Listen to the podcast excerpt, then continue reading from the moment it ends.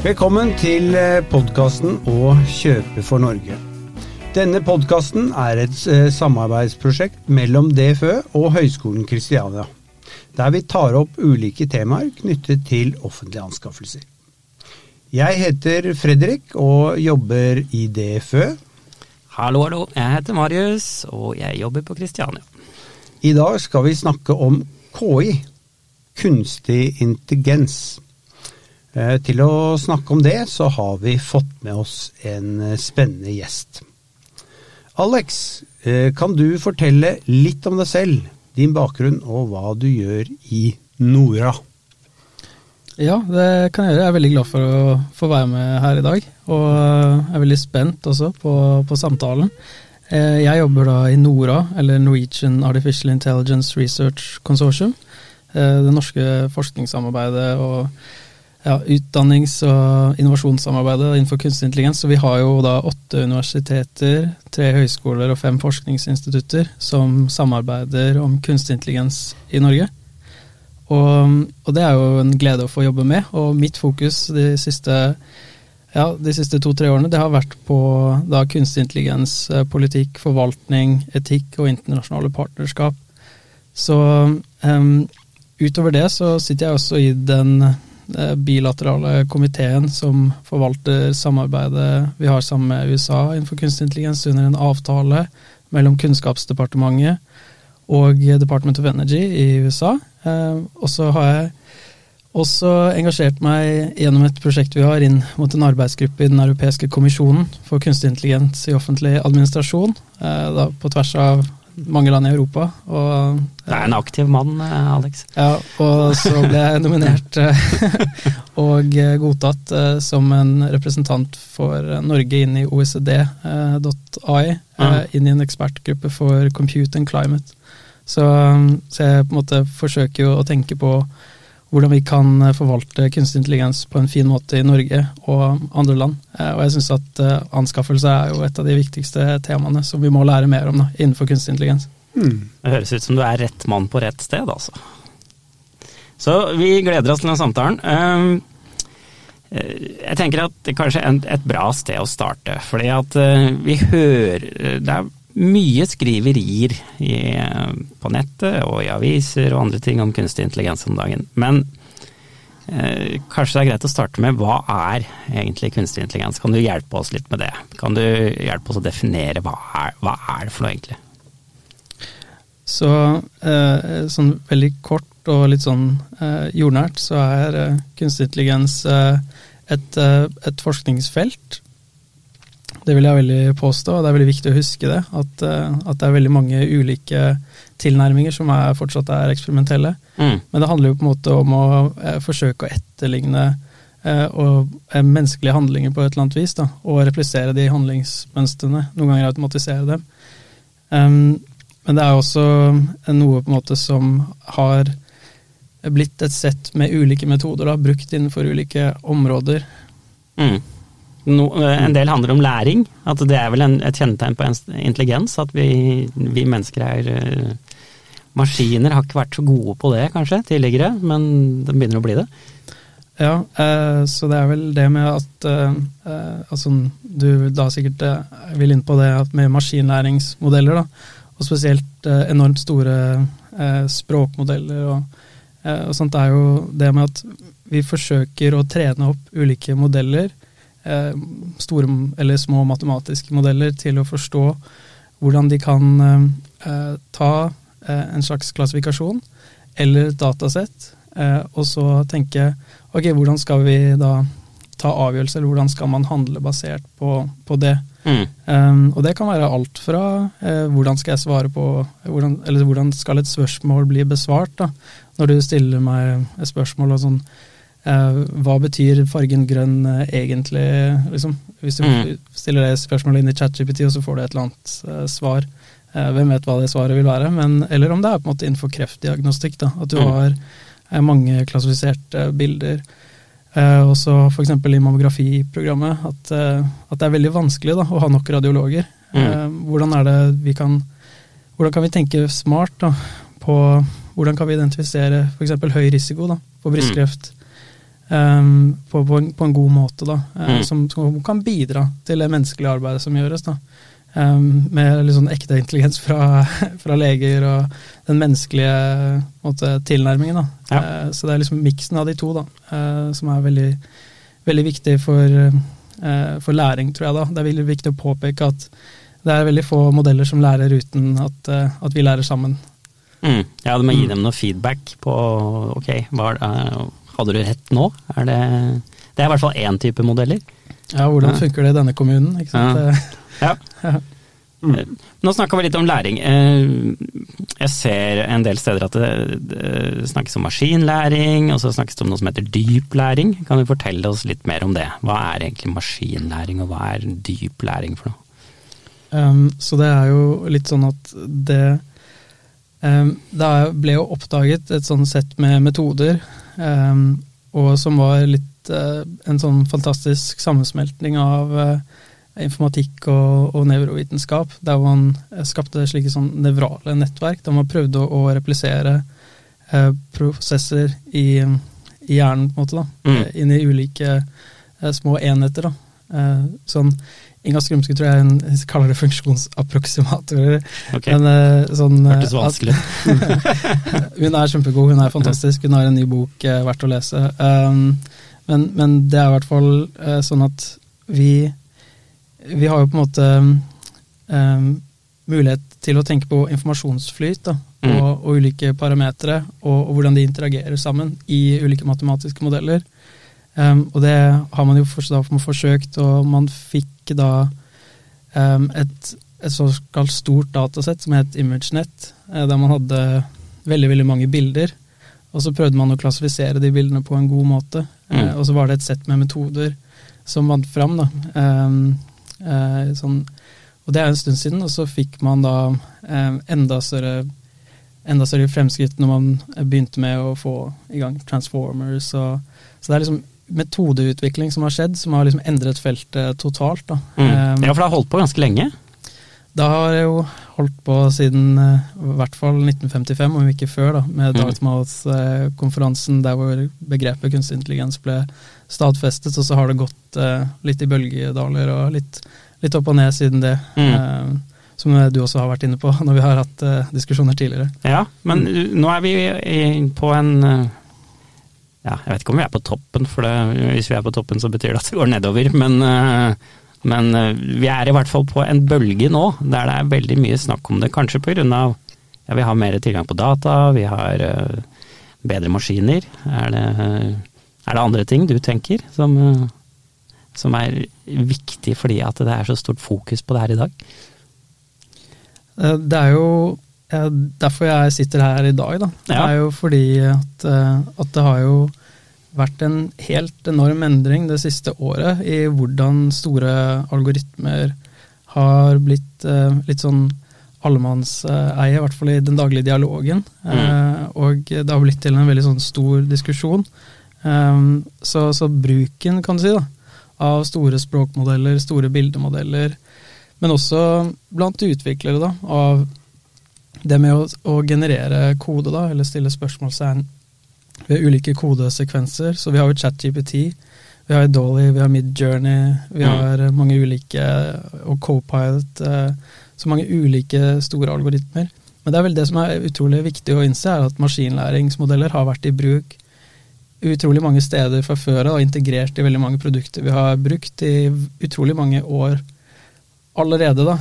Um, altså ikke utrolig mange år, da, men, men, sånn en ganske betraktelig mengde med tid. Men den, mm. Så er, vi er jo inne i en sånn uh, diskusjonsfase, da, der hvor dette liksom trekkes opp som et, som et sånn samfunnsproblem, uh, eller en, kanskje en samfunnsmulighet, da, mm. uh, forhåpentligvis. Men det krever jo at vi da tenker litt på hvordan vi skal ta i bruk dette på en ansvarlig måte. Mm. Hvor gode er eh, de maskinene, eller de Du nevnte jo noen uh, sånne programmer, dataprogrammer. Uh, hvor gode er dem til å lære og løse problemer i dag? Det er imponerende hva de får til, mm. og også fantastisk de, å se hva de ikke får til. Mm. For det er jo litt sånn noen ganger så, så tenker vi jo på en måte at de kan få til alt, da. Og det er jo en veldig skummel antakelse. Mm. Um, så jeg tenker liksom det med å forstå hva, hvilke ting vi er gode på, og hvilke ting eh, vi kan bidra til å løse eh, med maskinlæringsmodeller, det tror jeg er ekstremt eh, viktig. da. Eh, så som, eh, og så er det jo noe som går veldig fort uh, fremover, sånn som Midjourney 4, da, en, en bildegenererende algoritme, kontra Mm. Midjourney 5. Midjourney 4 greide jo på en måte ikke å generere hender på en god måte, da, så du fikk jo liksom fort mange mange fingre flere okay. Mm. når du spurte om å fremstille en slags person. Da. Eh, men det har jo forbedret seg nå i neste versjon. også. Så de, på en måte, de driver og trener opp og endrer på parameterne på disse ulike modellene. Mm. Og det kan gå fra på en måte, et par eh, hundre millioner til ja, altså hundre trilliarder. Altså sånn GPT3 kontra 4 Ja, på det, sånn. ja, hvor mye data de trenes på, er det det du tenker på, eller er det hva Ja, altså Datatilfangst har jo blitt et veldig viktig tema. Mm. Eh, både, altså både for de som trener algoritmene, men også som en sånn problematikk når det kommer til eh, copyright. Da, hvis man tar nesten all verdens data, og så prøver man å samle det inn i så langt det lar seg gjøre. mm. Enten å klassifisere noe av den, og så trene modeller på det. Mm. Hvilke data har du rett til å bruke, hvilke data har du ikke rett til å bruke. Det er en del lettsaker som pågår rundt det nå. Da. Ja. Og så ser jeg diskusjoner om dette her er eh, farlig. Kommer det til å ta over verden? Eh, noen sier at vi må, vi må begrense det, fordi at eh, ellers så kan det bli farlig. Mens andre sier at ok, det her kan hjelpe oss. fordi at vi har en, en del store problemer som vi trenger å løse. Hva, hva tenker du? Begge er eh, måte samtidig. da. Mm. Det er vel det som er utfordrende, at, eh, at vi At folk kan jo generere tekster, ikke sant. Så, så det er jo sånn Er dette en, en ekte tekst, på en måte, eller er det en tekst som er generert, på en måte? Mm. Eh, og det, er jo en, det kan jo være et problem i en skolehverdag, ja, men det kan også være et problem i et cyberangrep, det kan være et problem i helt andre områder. Og så snakkes det jo også om store diskusjoner om eksistens eller risiko, da. Og det har jo vært mange sånne åpne brev eh, om dagen da, som er signert av noen av de fremste vitenskapsmiljøene i verden, da, Mm. som sier at vi må, vi må tenke litt eh, gjennom hvordan vi forvalter dette. da, Mm. eh, Og sier at sånn AI governance er, er viktig. Så det er liksom et slags eksistensiell risiko da, som blir spilt inn. Og når jeg begynte eller sånn å jobbe, Jeg har ikke jobbet med kunstig intelligens enormt lenge. Noen for- forskere jeg møter har jobbet med det i sånn 20-30 pluss år, da, ikke sant, hele livet sitt. Mm. Jeg har kanskje vært eh, innom det i, i tre, tre år, tre-fire år. ikke sant? Men så, så det som jeg ser det på, så er det jo det med at eh, vi har samfunnsendringer. Eh, Morten Dæhlen, som jeg sitter nærme eh, ved i på en måte miljøet på en måte jeg er i, da. Mm. Han, han husker jo når kalkulatoren ble innført. Mm. Eh, og, eh, og han sa jo det var stor oppstandelse, da. Mm.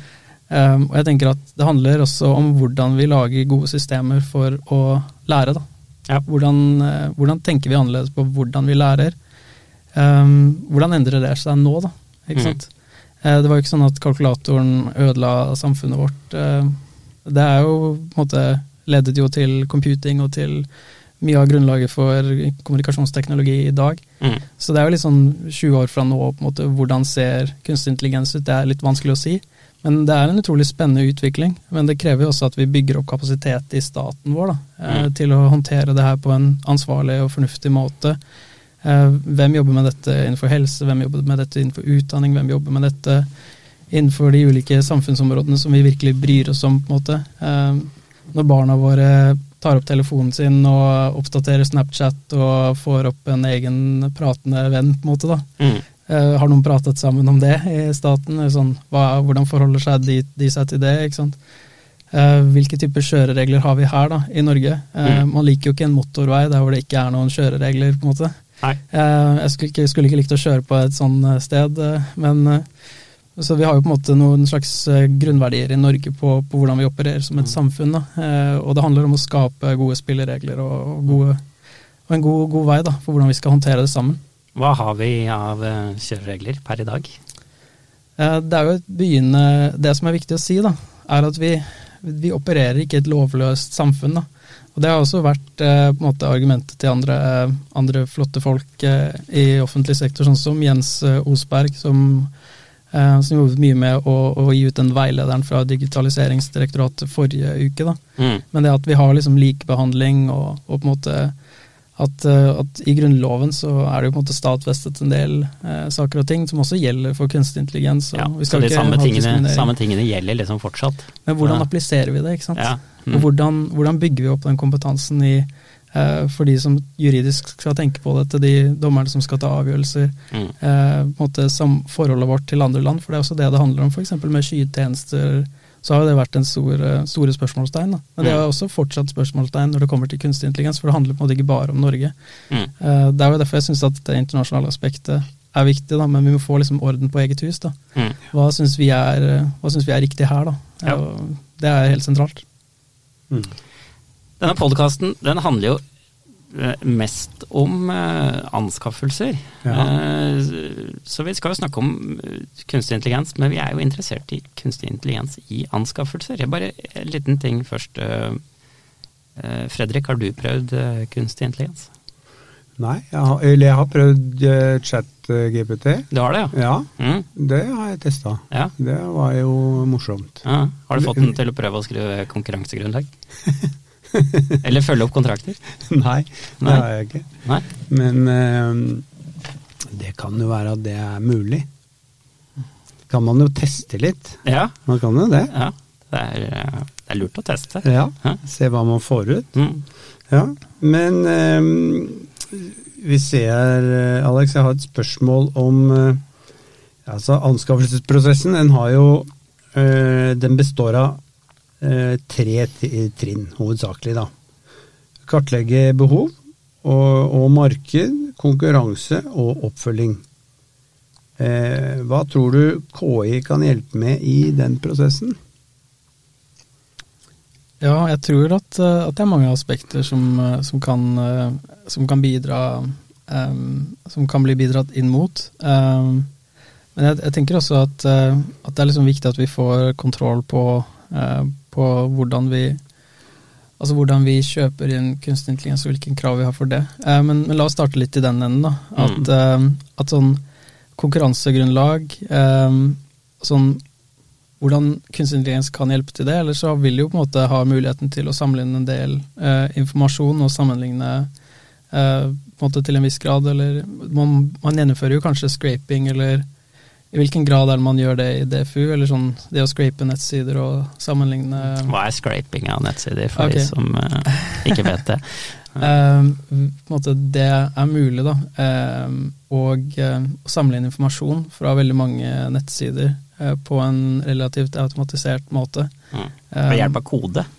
Ja, jeg kan lage en kode, og så kan jeg få all informasjonen som er på den nettsiden. Er det sånn det funker? Ja, så, på en måte, så Google har jo på en måte da f.eks. samlet inn masse informasjon fra veldig mange nettsider, og så måtte da eh, stokker de det om på en måte som, som, gjør at du kan navigere det. Det er selvfølgelig langt mer komplisert enn det. Mm. Um, men uh, f.eks. Uh, det med å håndtere ulike mengder med informasjon uh, fra nettsider innenfor ulike områder, um, sammenligne, uh, sammenligne ulike aspekter. Jeg vet ikke i hvilken grad er det det gjøres i, i DFØ? Er det um, kan du kommentere på det, eller? Ja, det er ikke noe vi gjør, nei. nei. Det er ikke mm. Det er ikke noe jeg kjenner til, egentlig. Ja, og, og, tilfangst av data. Um, det er jo på en måte også en sånn veldig viktig sak for kunstig intelligens. da. Mm. For vi kan jo fort uh, gå inn på, um, på kunstig intelligens og, og, og, skrike om KI, KI, KI Um, men det er jo sånn viktig å diskutere hva slags type datagrunnlag uh, hvor man kunne tenkt seg å bruke KI på, um, i prosessene. Mm. Um, så jeg tror at liksom, det blir jo fort å snu litt på spørsmålet om hva slags type datagrunnlag kunne vært spennende å bruke maskinlæringsmodeller på da, inne i disse uh, prosessene. for det skal jo en ting er jo at dere har jo Vi har jo mye, mye bedre bedriftsdata enn vi hadde før, på en måte. På grunn, mm. av, uh, på grunn av det har blitt samordnet i Norge på en langt bedre måte enn det var før. Men det er også um, andre muligheter uh, i å samordne ulike offentlige data. Um, men så kommer jo også ulike tilbydere med løsninger, ikke sant. Og, um, og ja, vi, vi hadde jo en liten eh, prat, Marius, Mm. eh, om, om det. Eh, Mm. for vi fikk jo, vi fikk jo spist halvveis eh, spist, Jeg spiste lunsj, du spiste ikke lunsj. Men, men der hvor du også snakket om disse ulike appene, da, Ja. som prøver å, å egentlig også se på hvilke ulike aktører som har konkurrerende tilbud som deg, da, ikke sant? og Mm. samle inn den informasjonen hvis du har aktører som, som gir mange anbud. da. Så jeg tror også det er liksom det hele det der bildet da, for konkurransegrunnlag, og hvordan ulike folk konkurrerer inn mot eh, offentlige anskaffelser, vil jo også endre seg pga. maskinlæring. Mm. Um, så det er jo på en måte en veldig interessant endring å forholde seg til, og hvordan, hvordan det blir da når dere ser kanskje mer sånn automatiserte anbud. da. Ja, jeg tenker, jeg bare vi slår meg, kan, kan det være sånn at uh, leverandørene skriver tilbud uh, i ChatGPT? Det kan jo være det. Ja, Det- nei, jeg vet ikke. ja. Eh, ok, her er konkurransegrunnlaget, kan du eh, være så Mm. snill å svare på dette på best mulig måte? Mm. Jeg vet ikke hvordan det, hva blir resultatet, men eh, det høres jo litt spennende ut. det, det er en farlig idé å gi noen, tror jeg. Sånn, eh, ikke bygg den maskinlæringsmodellen som bombarderer DFØ med anbud på det, da, innenfor Nei, nei. alle de anbudskategoriene dere har. Ja, det kan, kan- kan da blir det kanskje gøy likt, da. Ja, så Hæ? får den vel, får vel chat eh, GPT litt lite informasjon. Men det, det kan jo Altså- trenes på de anbudene som har vunnet, kan det ikke det? Eller for de må jo, Dere må jo legge ut de anbudene som har vunnet, eh, og de konkurransegrunnlaget, kan du si. Så Mm. den kan jo trenes på de eh, på en måte, kan du si det som tapte og det som vant. på en måte da. Så du kan jo du får bruke ikke se, du får ikke se de dokumentene. Nei. Nei, de er ikke, åp det er ikke åpnet, data. Men går det an å gjøre request for public information eh, request? Ja, eller? du kan du søke om innsyn. Du kan søke om innsyn. Mm. Så, det, det, så jeg mener at du får, kan jo få tilgang til dem. Mm. Og da har du jo et treningsdatasett. Da kan du jo bruke de som på en måte, ikke fikk gjennomslag, og de som fikk gjennomslag. Mm. Men de er sladdet. Ja. Ja, ikke alt. Kommer an på hva slags informasjon. Ikke alt, nei. Ja. Men eh, Kanskje at det skal være mer, mer åpent. ja, for forretningshemmeligheter. Forretningshemmeligheter. Ja, der kan jo gullet ligge. Ja, Mm. det kan hende. Men ja, Mm. så, men, eh, så det anbudsprosessen og hvordan den vil endre seg, det, det er jo en spennende, et spennende spørsmål. da. Mm. Eh, og dere vil jo se konsekvensene av det sikkert også, sånn Mm. eh, over de neste årene. Det er sikkert fint å være litt føre var og, eh, på, på hvordan dere skal håndtere det. da. Mm. Mm. Og også hvordan dere skal bygge kapasitet internt i DFØ for å forstå eh, kunstig intelligens. da. Mm. Finnes det noen KI-løsninger for anskaffelser i dag? Vet du om det? Ja, det var også noe vi diskuterte. Mm. Eh, men jeg, jeg kan ikke gå sånn direkte inn på, på, på en måte hvordan de ser ut. Eh, og jeg har, ikke, jeg har ikke brukt dem kjempemasse selv heller. Nei. Mm. Det fins noen som hjelper deg med arkivering, eksempel. Mm. Har jeg sett. Som uh, Datatilsynet hadde en sånn sak på det, knytta Mm. til et sånt sandkasseprosjekt. Ja, Simplify, video, var det ikke det? Det Ja. ligger en video ute på, Ja. på Og, nettet. og de sluttrapportene til Datatilsynet er altså top notch, altså. De er Mm. skikkelig gode. Jeg er skikkelig glad i den norske sandkassen. Jeg syns det er veldig viktig at vi er proaktive, da. Mm. For det, det er jo veldig viktig å si at det er ikke sikkert at vi har svaret. Nei. Men hvis vi begynner å stille spørsmålene Mm. og, og få noen interessante svar, Mm. så er vi faktisk et skritt uh, lenger enn ganske mange andre land. Da. Mm. Jeg tror det er faktisk en sånn um, Ja, er vi det? Er vi foran, eller er vi bak? Vi er uh, både foran og bak. Eh, vi, er, uh, vi, er ikke, vi er ikke bak alle andre land, uh, men vi er liksom ikke best i verden. Men, men samtidig så er det jo veldig viktig å si hva, altså hva er mange omtaler jo kunstig intelligens som et løp. ikke sant? Sånn Mm. derre Å, nå, nå kommer USA eller Kina til å vinne, ikke sant. Så, å, nå er det et løp, og så, og så hvordan det går det EU er de som regulerer, og USA. Men sånn, hva er det vi ønsker fra kunstig intelligens? Mm. Altså, hva er det vi løper mot, da? Ja. Er løper vi mot et bedre samfunn? Løper vi mot bedre helsetjenester? Løper vi mot en, måte, et, et, en bedre hverdag da, for borgere? Vi mot, løper vi mot et mer demokratisk samfunn? Mm. Hva er det vi egentlig løper mot? Mm. Uh, og det er på en måte føles det litt ut som er uklart noen ganger i, i denne, disse beskrivelsene da, av et sånt slags kappløp. Da. Og det føles mer ut som en sånn slags beskrivelse av et våpenkappløp, ikke sant? enn Mm. et eh, beskrivelse av altså, hvordan vi skal eh, adressere ja, klimakrisen, hvordan vi skal adressere eh, inflasjonen, de økende sosioøkonomiske forskjellene. Mm. Eh, hva er det vi løper mot? Mm. Mm.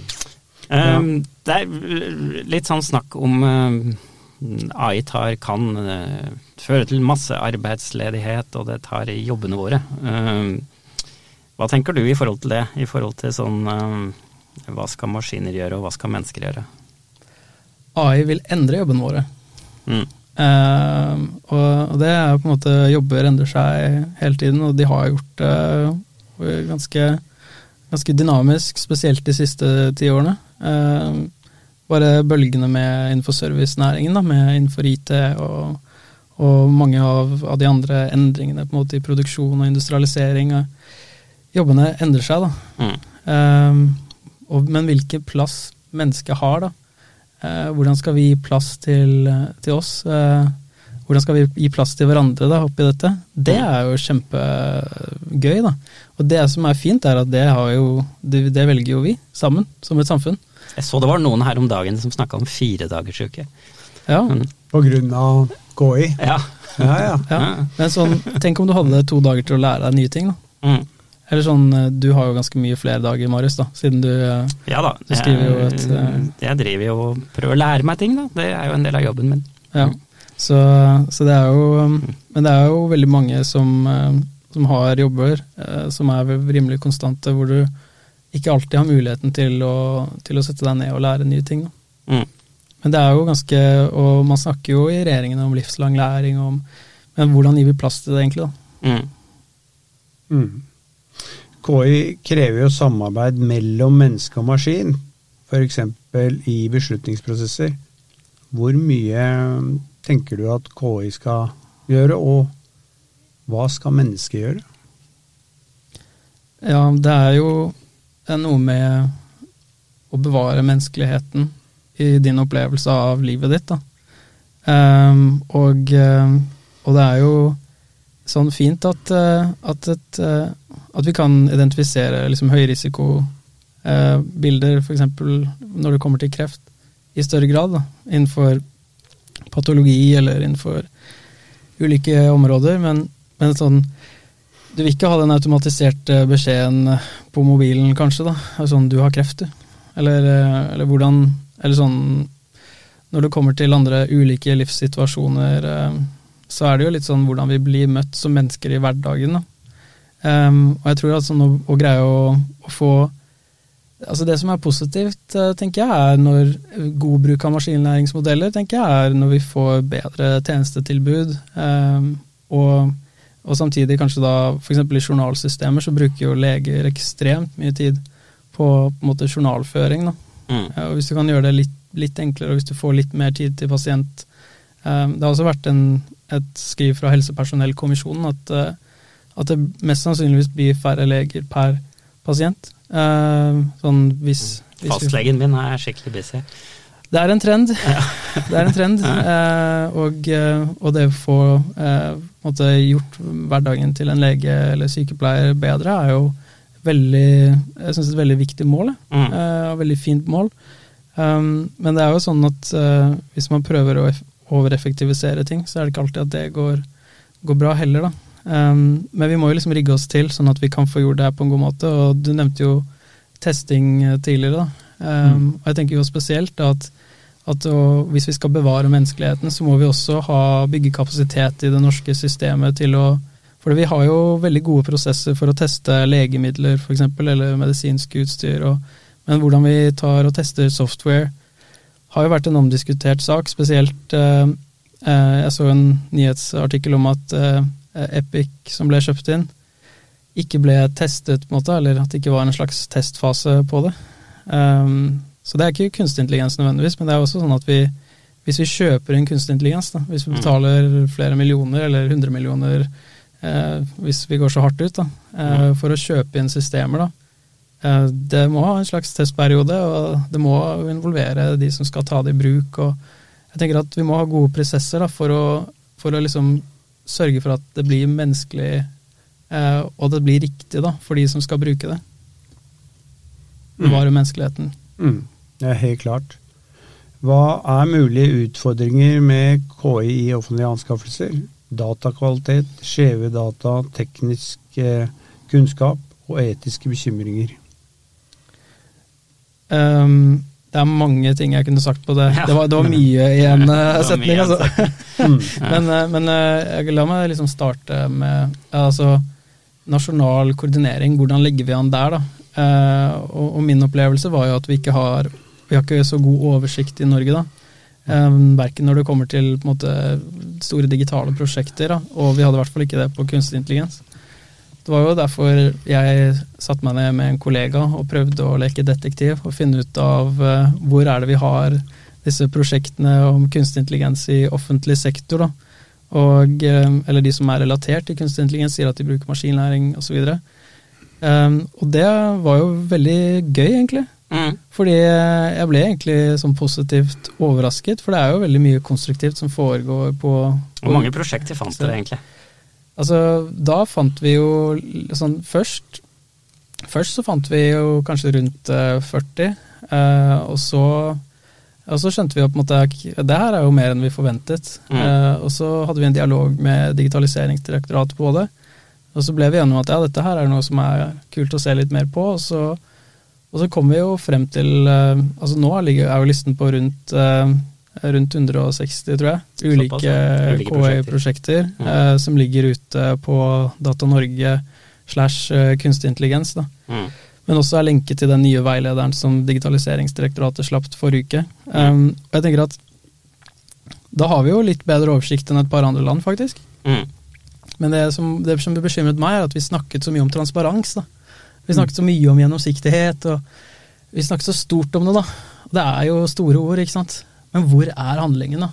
Altså Hvis ikke staten vet hva som skjer eh, sånn generelt, da. Altså hvor god transparency, eller sånn, hvor trustworthy er kunstig intelligens da, hvis, eh, hvis vi egentlig ikke er koordinert eh, i det hele tatt da, på et nasjonalt nivå eh, innenfor ulike områder. Og vi har jo på en måte vi har jo departementer og direktorater og kommuner og offentlige selskaper, liksom 71 offentlige selskaper mer, kanskje. Men det er jo, sånn, det er jo så mye spennende da, som foregår innenfor offentlig sektor. Mm. Og sånn, vi, jeg hører så mange folk sånn der, snakke om offentlig sektor er så trege, offentlig sektor er så et eller annet. da. Mm. Men sånn, har du sett norsk offentlig sektor, eller? Mm. Sånn, har, du, har du vært i et, et eller annet land? Liksom, har du sett liksom, hvor kjapt det går her, da, kontra andre steder? Mm. Så jeg, liksom, jeg synes at vi, at vi Det er jo selvfølgelig ting vi kan bli bedre på. Men jeg tenker også at det er viktig å innse at vi er liksom ikke verst i verden. Og at vi faktisk er en av de ledende landene i verden på å tilby tjenester til befolkningen vår. Mm. Um, men også at vi innenfor kunstig intelligens så ligger det faktisk et spennende mulighetsrom til å være en stat som er veldig godt koordinert da, og veldig ansvarlig på det her. Men jeg tror at et utgangspunkt er å ha oversikt. Og så er det mange etiske diskusjoner vi kan ha. og så Mm. Jeg tror spesielt sånn det med oversikt over liksom hva er egenutviklet, kontra hva er på en måte prosjekter fra ulike leverandører. ikke sant? Hvem er det som leverer til offentlig sektor? Mm. Hva er de ulike prosjektene? Men også sant, de ulike folka involvert. Da, for det her er jo et kjempekunnskapsdelingsmulighet. da. Mm. For det er jo sånn at hvis man skal gå inn og kjøpe inn, og så faktisk er det mange dyktige folk som jobber i et sted eh, i offentlig sektor og har bygget et helt KI, eller team da, for kunstig intelligens, Mm. så er det jo skikkelig fint om de kanskje kan involveres til en kaffe eller en lunsj og bare liksom dele litt eh, deres erfaring, og at man kan gå litt i dialog. da. Ja. Um, og få litt sånn gode tanker fra, fra hverandre. For vi har faktisk en del kompetanse. Og jeg må si at det, det er langt igjen. Da. Altså, vi, det er vanskelig å få talenter innenfor kunstig intelligens til å gå innenfor offentlig sektor. Men vi er eh, Altså, vi er ikke worst in class, vi er ikke de verste i verden. Um, og, og, og hvis vi faktisk satser litt på også talenter i offentlig sektor når det kommer til kunstig intelligens uh, For det, det går ikke an å bare kjøpe inn òg, det er veldig viktig å si. Mm. At uh, hvis vi bare tenker på leverandører vi må, Der har vi skutt oss selv i foten før da, på IT-ting. Mm. Vi må liksom bygge opp gode IT-team, det vet vi allerede, da, og, og har vist seg å være ganske gunstig eh, i veldig mange tilfeller. Og Da tror jeg på en måte at vi ikke må glemme oss at vi må bygge opp egen kompetanse på kunstig intelligens i de stedene der hvor det er langsiktig eh, satsing, langsiktig hensyn da, for Norges befolkning som vi må ta i betraktning. Mm. Der må vi bygge opp kompetanse på kunstig intelligens også. Da. Vi må rett og slett eh, enten lære opp folk, eller få igjen nye folk. Da. Mm. På den lista di du snakka om, ja, begynte å bli ganske mange prosjekter etter hvert. Eh, har du noen eksempler, eller? Hva, husker du noen? Ja, altså jeg synes at sånn mer sånn Jeg elsker dagligdagseksempler, jeg. Altså. Ja, Jeg elsker sånn type sånn Ruter bruker på en måte maskinlæring. ja gjør de det? Sånn- Hva bruker de det til? Sånn, Altså, det er sånn der, Du får jo, ikke sant du, Vi har jo blitt så bortskjemte, ikke sant. Av Mm. sånne der store internasjonale tjenester som, eh, som funker som Google Maps og sånt. mm, Men, men liksom det å, å bare få koblet de sånn grunnleggende tingene og, og bidra med på en måte Komme deg fra det ene stedet til det andre stedet. ja, for da ligger det Eh, maskinlæring bak. Men også Er det, er det i- det? Sånn at det ligger en maskinlæringsalgoritme bak eh, inni Ruter sin løsning? Men også internt i hvordan de håndterer chat-tjenester. Og det er, liksom, det er veldig mange ulike maskinlæringsprosjekter internt i Ruter, og mange Mm. av dem er veldig spennende. Og Umair, som leder liksom AI-teamet internt i Ruter, er utrolig foroverlent. Og han er også veldig godt koblet på eh, altså forskningsmiljøene, og, og har god dialog også med andre aktører i offentlig sektor, og tilbyr seg å prate med dem. og Eh, han er en skikkelig ildsjel, og han startet, var også med Digitaliseringsdirektoratet og startet et fagforum for kunstig intelligens i offentlig sektor. Eh, og jeg tror liksom at sånne type arenaer er helt uh, nødvendige. Da. Eh, så, så jeg er liksom dagligdagse løsninger. Og så jeg tenker sånn type mulighetsrom innenfor liksom, dokumentbehandling og på en måte av liksom, enkle ting der hvor sånn, ha, det er åpenbart at dette her kommer til å bli et ja i en søknad. Mm. Og så kanskje sitter man og behandler 100 søknader, så der hvor egentlig man er vel, der man opererer mer som en maskin enn et menneske, da. Ja. Um, der er det jo på en måte sånn klare Altså sånn punch-oppgaver, for punch-oppgaver. eksempel. Det er sånn klare gevinster, tenker jeg da. Ja. På liksom å bruke litt mer tid på den søknaden som fikk et nei, da. Ja. Som hvorfor fikk den søknaden et nei, eh, på hvordan behandler vi den personen som fikk et nei, ikke sant. Mm. Um, og um, eh, sånn En tredje ting er liksom posten. Mm. Det er sånn, Posten er, tenke på hvordan de skal få pakken frem i tide, og hvordan de skal tenke på når du skal få denne pakken. eh, ikke sant? Og, og det er litt sånne det er litt sånne ting, altså. Mm. Så jeg tror det er sånn, veldig sånn jordnære ting som mange tar for gitt. Og så Amazon.com er jo et, ikke et så veldig ansvarlig og etisk firma. Da. Eller det er jo i hvert fall Mange har jo sett Jeff Bezos i, og raketten hans eh, til, som skulle ut i verdensrommet, og, og hvor mye penger han tjener og sånt. Men, men Posten er jo et, et norskeid offentlig selskap som gir tilbake igjen til samfunnet og, Mm. og leverer tjenester som jeg tenker er vel så bra som, som Amazon, om ikke bedre, fordi de har det regionale hensynet, fordi de på en måte får ut post også til steder der hvor det kanskje ikke er liksom umiddelbart uh, gunstig. Der, der dropper Amazon å levere, ikke sant. Mm. Der, der får man ikke godt, god tjenesteleveranse. Men, men det er liksom sånne hensyn som man litt i større grad kan ta, da. Uh, Og så litt større grad kan vedlikeholde dersom, dersom man har god teknologi. Da. Dersom vi har gode teknologer. Dersom vi tenker på hvordan er det vi får til den tjenesteleveransen til å fungere så godt som mulig for borgerne våre. Mm. Jeg prøver, prøver å tenke på noen eksempler jeg nå, For jeg tenker at ja, nå skal jeg prøve å innbille meg at jeg er tilbake som offentlig innkjøper. Eh, og så eh, sitter jeg på eh, kontoret mitt og skal gjennomføre Sjekke behov og gjennomføre konkurranser og osv. Og, og så har jeg en eller annen fra eh, ja, la oss si helse, da. Som har vært på konferanse og har hørt på Alex om alle nye prosjektene i offentlig sektor og alle mulighetene. Så kommer det til meg. Marius, det her vil jeg ha. Eh, Jeg vil, ha den, jeg vil kjøpe en løsning som kan hjelpe meg, for at vi har det så travelt her i helse. Ja, sier jeg da. Det var en god idé. Men eh, hvordan, eh, hva må jeg tenke på da, som offentlig innkjøper? Fins det noen retningslinjer, eller er Er det noen fallgruver eller et eller annet jeg må tenke på? Ja, jeg tror altså, det vi har nevnt tidligere, det med testing og testingmiljøer, og, og måte, men også vil jeg også si, jeg vil også bare skryte av Helsedirektoratet, fordi de har jo hatt et, et stort prosjekt rundt bedre bruk av kunstig intelligens innenfor, innenfor helse. Mm. Og så har vi et nettverk for, det, for kunstig intelligens eh, og innenfor helsetjenesten i Norge også, som heter KIN. da, Okay. eh, KIN. Eh, og det er masse ulike folk fra de regionale helseforetakene, Mm. men også ulike firmaer, ulike Ja da, sykehus. helse var bare et eksempel her, altså. Det kunne Ja, ja. gjerne vært noen fra teknisk som eh, sa at eh, ok, jeg trenger uh, Nei, nei, men jeg, jeg tenker sånn Å koble seg på, på de riktige miljøene, da. Mm. Men også innse at det er et spørsmål som mange stiller. da. mm, Så hvis man greier å samle seg litt om det, og, og få, finne på en måte et godt utgangspunkt, da. mm, Men også finne ut av eh, Hvis man starter sånn jeg trenger noe KI, på en måte. mm, Kanskje du har startet litt i feil ende? mm. Altså sånn, hva er det, Hvilke utfordringer er det du sliter med? på en måte? Hva slags type data har du tilgjengelig? Eh, hvordan kan de kobles eh, på en god måte? Mm. Det, er, det, er, selvfølgelig fint å, å dra rundt og, og, se på hvilke muligheter som, eh, som, eksisterer. da. Ja. Er det noe jeg må være spesielt observant på? Noen sånne fallgruver som jeg ikke skal gå i? Sånne der, pass på å spørre om det, fordi at det kan være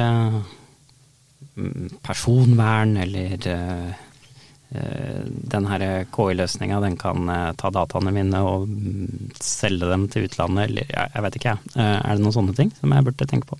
Jeg tror at DFØ sammen med Digder har en fin veileder for skytjenester, ja. som blir et godt utgangspunkt for, for det grunnlaget. Mm. Men på, på kunstig intelligens, så det er liksom det vi har diskutert. Mm. Kanskje du bør legge inn en Jeg vet ikke hvordan kan man gjøre det, eller hvordan gjør man det? Legge inn en testperiode, eller en, en klausul på at liksom det, det produktet skal testes ut, og hvis ikke det funker, så, så bør man kanskje ikke videreføre det. At man har en slags mm. grace period, på en måte. Ja. Uh, jeg tror faktisk det er helt sentralt, fordi uh, da kan man kanskje avverge noen katastrofer, og så må de faktisk bevise at det funker, da. Fordi det er mange sånn, La oss ta helse som et eksempel. da. Mm. Det er mange sertifiserte løsninger som ikke har vært gjennom randomiserte studier, som man, man ikke nødvendigvis ser at fungerer de i praksis? Er de robuste nok da, til å ta i bruk på en forsvarlig måte i norsk helsetjeneste? Ja. Eh, kanskje ikke. I hvert fall ikke mange av de som er på listen i USA, f.eks. Eh, det er jo blitt veldig tydelig eh, også. Så det er jo veldig viktig at man, eh, at man er eh, kritisk i god kontakt med fagmiljøene. Men også vi, også vi bygger opp kapasitet på det her eh, på, på, sikt. Da. Mm. Men det, det, at den personen stiller det spørsmålet, mm. Så det tenker jeg er en utrolig bra start. Mm, så, men det du sier er at denne typen anskaffelsesprosesser som ved kjøp av KI, så burde det kanskje være et sånn ja, du burde i hvert fall ha markedsdialog for å skjønne liksom, markedet, eh, og snakke med litt med de her leverandørene. Men kanskje det burde òg være litt mer sånn innovasjonspartnerskap, der du eh, sammen med leverandørene eh, er med litt i utviklinga. Ja, altså jeg tenker at man kunne jo styrket StartOff, f.eks. Eller sånne eh, eksisterende initiativer. Mm. For eksempel, hvis man hadde styrket det litt eh, for å, for liksom inn mot f.eks. KI. da. Mm. Um, og det får jo, altså, kunne jo på en måte bidratt uh, sammen med andre til å, til å, lage en slags sånn innkjøpsliste der man tar inspirasjon fra andre land. Uh, mm. Vi har også hatt en dialog om at Storbritannia har jo kommet med en slags innkjøpsrapport rundt kunstig intelligens. Og, mm. og det er, begynner å bli ganske mange ulike dokumenter i andre land. Da. Men vi må finne ut hva vi vil eh, i Norge. da. Mm. Eh, og vi kan ikke bare lene oss på andre land alltid. Vi må finne noe som fungerer i vår kontekst òg. Og så er det andre ting vi må ta hensyn til, f.eks. at Norge har sagt at vi skal ha en helsenæring. Mm. Eh, det skal bli en eksportnæring. Eh, da trenger vi på en måte veldig god kontakt mellom utdanning, forskning, innovasjon, mm. Eh, testing, Um, og jeg har jo sett interessante partnerskap der allerede, mellom f.eks. klyngemiljøene og North Trials. og um, Det er jo på en måte en tankegang rundt hvordan man skal validere kunstig intelligens. Nå, mm. ble det veldig mye fokus på helse, da. Men ja, ja. Det, er, Nei, men det, var, ja. det var egentlig bare litt sånn for å prøve å grave litt, prøve å konkretisere litt. Fordi at det her er jo tekniske ting som, ja, som mange kanskje kan se på som litt sånn uh, mystisk og vanskelig. Så det er liksom å det, prøve det å ja, Prøve å avmystifisere litt. Ja, prøve liksom ok, hva er det for noe egentlig? Uh, og så snakka du litt om det her med reguleringer. Jeg ser jo at EU driver og snakker om reguleringer. Kan du fortelle litt mer om det? Kommer det noe lovverk knytta til det her? Hva går det ut på i så fall? Eh, det kommer en forordning eh, for kunstig intelligens, som er et risikobasert eh, rammeverk, da, som heter sånn Forordningen for kunstig intelligens, da, eller EU AI Act. Mm. Um, og det er noe som EU har tatt en posisjon på, og det er jo litt nyhetsverdi at i dag så, jo, så skal jo parlamentet enes om en, en posisjon. Mm. Og så er det en utfordrende prosess eh, i EU. Eh, nå går vi inn på helt andre komplekse temaer her, eh, Marius. Ja, ja Men parlamentet, rådet og kommisjonen mm. må jo bli enige om denne forordningen for kunstig intelligens. Ja, alle må være enige. Det, det kan ta litt tid. Okay. Men det blir mest sannsynlig implementert det er skissert kanskje en eller annen gang i 2025 eller noe i den duren. Såpass. Men, Mm. men det er veldig fint å starte mye før. Mm. Og, og, men det som er også fint, er jo på en måte at den gir en slags eh, den, den sier at dere må bemanne opp for det her, da. Mm. Og, og det er mange, mange ignorerer jo det, men det er også et skriv om kapasitetsbygning til alle medlem, medlemslandene i EU. Mm. Om at dere må ansette folk til å tenke på hvordan dere skal håndtere kunstig intelligens. Ja. Så det betyr at det er kjempegode samarbeidsmuligheter her fremover Mm. med Europa, da. Ja, ja, nei, men så bra. Ja. Jeg bare En ting som slår meg, og er, jo, mens jeg sitter her og snakker, er jo at eh, offentlig sektor er jo en stor innkjøper. Riktig. Eh, og øh, hvis offentlig sektor begynner å kjøpe mer kunstig intelligens på en ansvarlig måte, eh, så vil jo det også kunne være med å stimulere eh, miljøene i Norge, da. Eh, eller Europa, til eh, å satse mer på kunstig intelligens. Har du noen tanker om det?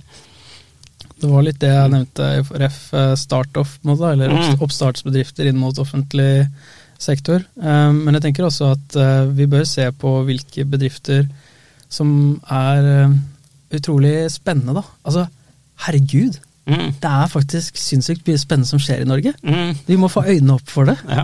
Eller sånn, la meg bare nevne et par eksempler. da. Okay. Eh, sånn Seabus, eh, som har på en måte laget autonome ferger, da. Mm. Som er pilotert uh, nå i Stockholm, og som kjører Som er i kommersiell bruk. Mm. Det er jo første liksom, autonome fergen i, i verden utviklet her i Norge, uh, nå i bruk. Uh, ikke sant? Hvor, Mm. hvor kult er ikke det? Mm. Altså, det er jo vilt kult. Altså, Det er jo en sånn offentlig transportgreie. Mm. Hva med Fredrikstad? Hva med liksom andre steder hvor vi kunne tatt i bruk? Det, det ble, var jo ikke i Norge det ble tatt i bruk, det var i Stockholm. Mm. Men, men sånn eh, Det er jo helt sinnssykt, da. Ja, og vi Altså, snakker jo mye om sånn miljøutfordringer og sånne ting. Kanskje Ja, det- intelligens kan Det snakket vi om eh, litt eh, med ferger. eh, Mm. Har vi snakket om, men, eh, men autonom Kan du bare si kort hva en autonom ferge er? Er det en elferge, eller er det en Det- det, så dette er Den er både elektrisk og, eh, og sånn kan si selvstyrt, da, men selvstyrt må jo bli tatt med en klype salt. på en måte. Ja. At det er liksom gode prosesser og mekanismer rundt hvordan, eh, hvordan måte, de geleider den eh, på en ansvarlig måte fra, fra punkt til punkt. Du har ikke noen skipper? Ja. Det, men det kan jo være nå at i en testperiode at de har sikkert noen mennesker til stede osv. Mm. Men, men det, er liksom, det er jo en kjensgjerning. Eller litt sånn f.eks. mange fly ikke sant? har jo sånne styringssystemer ikke sant? Som, er, som er ganske mye bedre enn de var før, når de måtte forholde seg til sånn 1000 ulike knapper, og hvis du trykket på én knapp feil, så, så lykke til. Eh, eh, det, det var en del ulykker da, innenfor flybransjen. Eh, så det er også noe med sikkerheten da, til, til de som er med på, på sånne turer. Men jeg tenker også mulighets, mulighetsrommet for For det er jo ganske dyrt, da, for eksempel, å kjøre i gang sånne fergeturer. Og hvis man, har, hvis man gjør det litt enklere å ta offentlig transport for folk istedenfor å kjøre bil. Og, Mm. så, så det er vel eh, kanskje noen mulighetsrom som ligger, ligger der, tenker jeg. Um, en annen interessant eh, bedrift um, er jo OneX Technologies.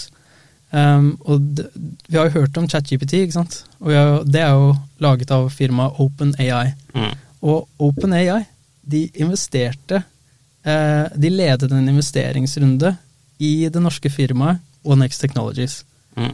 En investeringsrunde på 23 millioner dollar. Altså, tenk det, da. Et norsk Mm. firma fikk til noe innenfor taktil robotikk, da.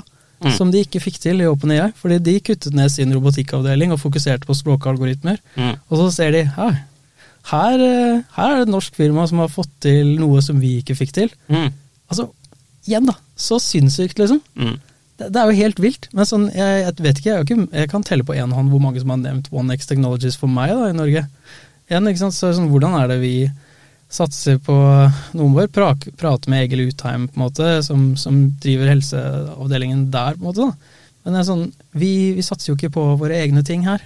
Mm. Altså, og vi har ikke, kanskje ikke noe mulighetsrom eh, Hvordan er mulighetsrommet, da? For har vi, skal vi liksom tenke på innkjøp eh, i offentlig sektor, og skal vi lage en smart måte? Skal vi bygge kapasitet for innkjøp av eh, kunstig intelligens, robotikk, eh, språkalgoritmer? Skal vi bygge kompetanse på dette? Det er det jeg tenker. Men altså da det er jo trengs en kombinasjon av å bygge kapasitet i offentlig sektor, Mm. og også kanskje at, at man tilrettelegger for et testing i et hjemmemarked. Da. Mm. Så vi, bare prøve å tenke litt jeg nå, fordi at hvis eh, kunstig intelligens kan eh, hjelpe oss litt, sånn at, eh, for jeg vet at eh, offentlige innkjøpere òg har en ganske hektisk hverdag. Og vi sier at det er for lite kapasitet. Vi får ikke gjort alt. Men hvis kunstig intelligens kan hjelpe oss med det, så kanskje vi kan få litt kapasitet til å lære oss om kunstig intelligens. Bør kanskje lære seg først. Ja. ja, det er ikke så lett dette her. Nei, altså, Mm. det er jo komplisert, da. Ja. Og, og det er jo sånn Hvis vi skulle sagt sånn Dette er enkelt. Ja. Det er jo ikke det. nei. Eh, Det er jo, blir jo en ganske stor utfordring. Mm. Men sånn men er ikke, det, er ikke det vi vil ha, da? Jo. Altså, Hvordan er hverdagen uten noen utfordringer, da? Ja. Mm. Så, Så gir det jo enorme muligheter. Mm. ja. Men eh, hvis vi skal avslutte litt her. eh, jeg tenker, eh, hvis vi vil lære mer, da. Eh, hvor skal vi gå, og hva bør en starte med? For eh, det er jo et stort eh, felt, det her. Er det noe jeg burde Hvor ville du starta for å liksom lære Burde jeg lære det overordnede, eller burde jeg lære meg koding, eller hva er det jeg må lære? Og hvor skal jeg gå hen for å lære? Åh, det er så mange steder for å gå for å lære. Ja.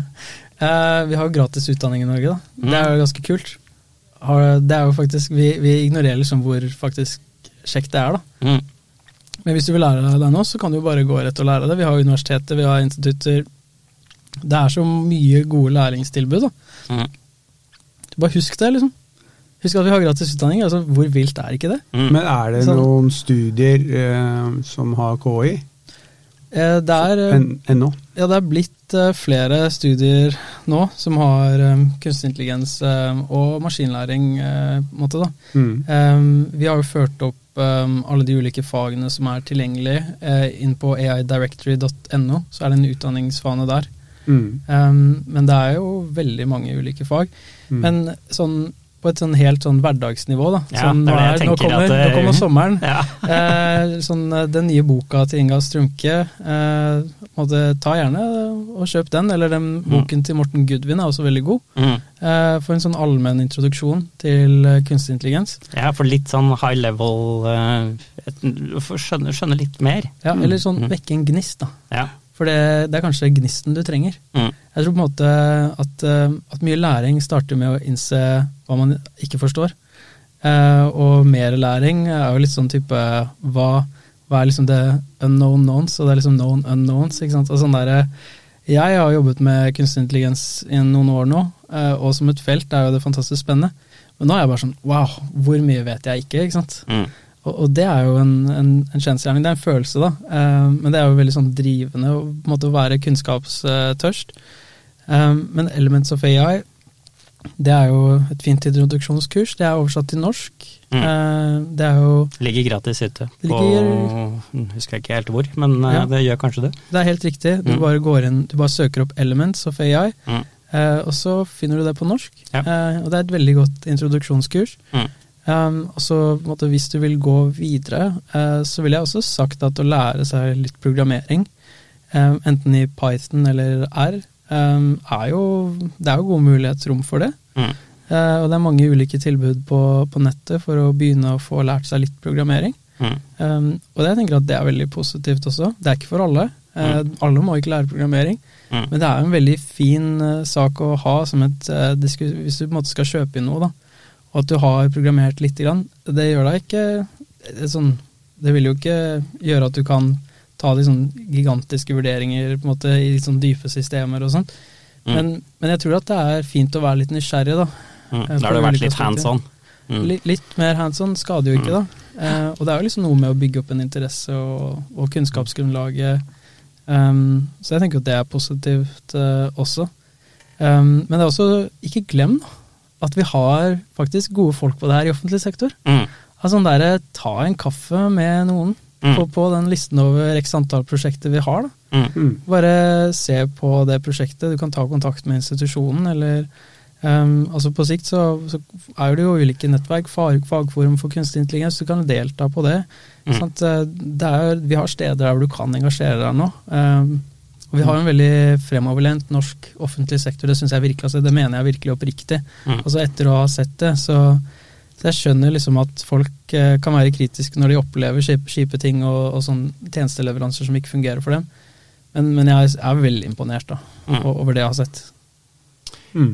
Er du klar, Fredrik, til å begynne å lære deg om kunstig intelligens? Ja, ja, absolutt. Jeg er kjempeklar. Så bra. Da tror jeg vi slutter av der. Eh, tusen takk, Alex, for at du kom hit til oss og snakka om kunstig intelligens og anskaffelser. Eh, vi høres igjen her på Å kjøpe for Norge. Takk for i dag. Takk for i dag. Takk for meg.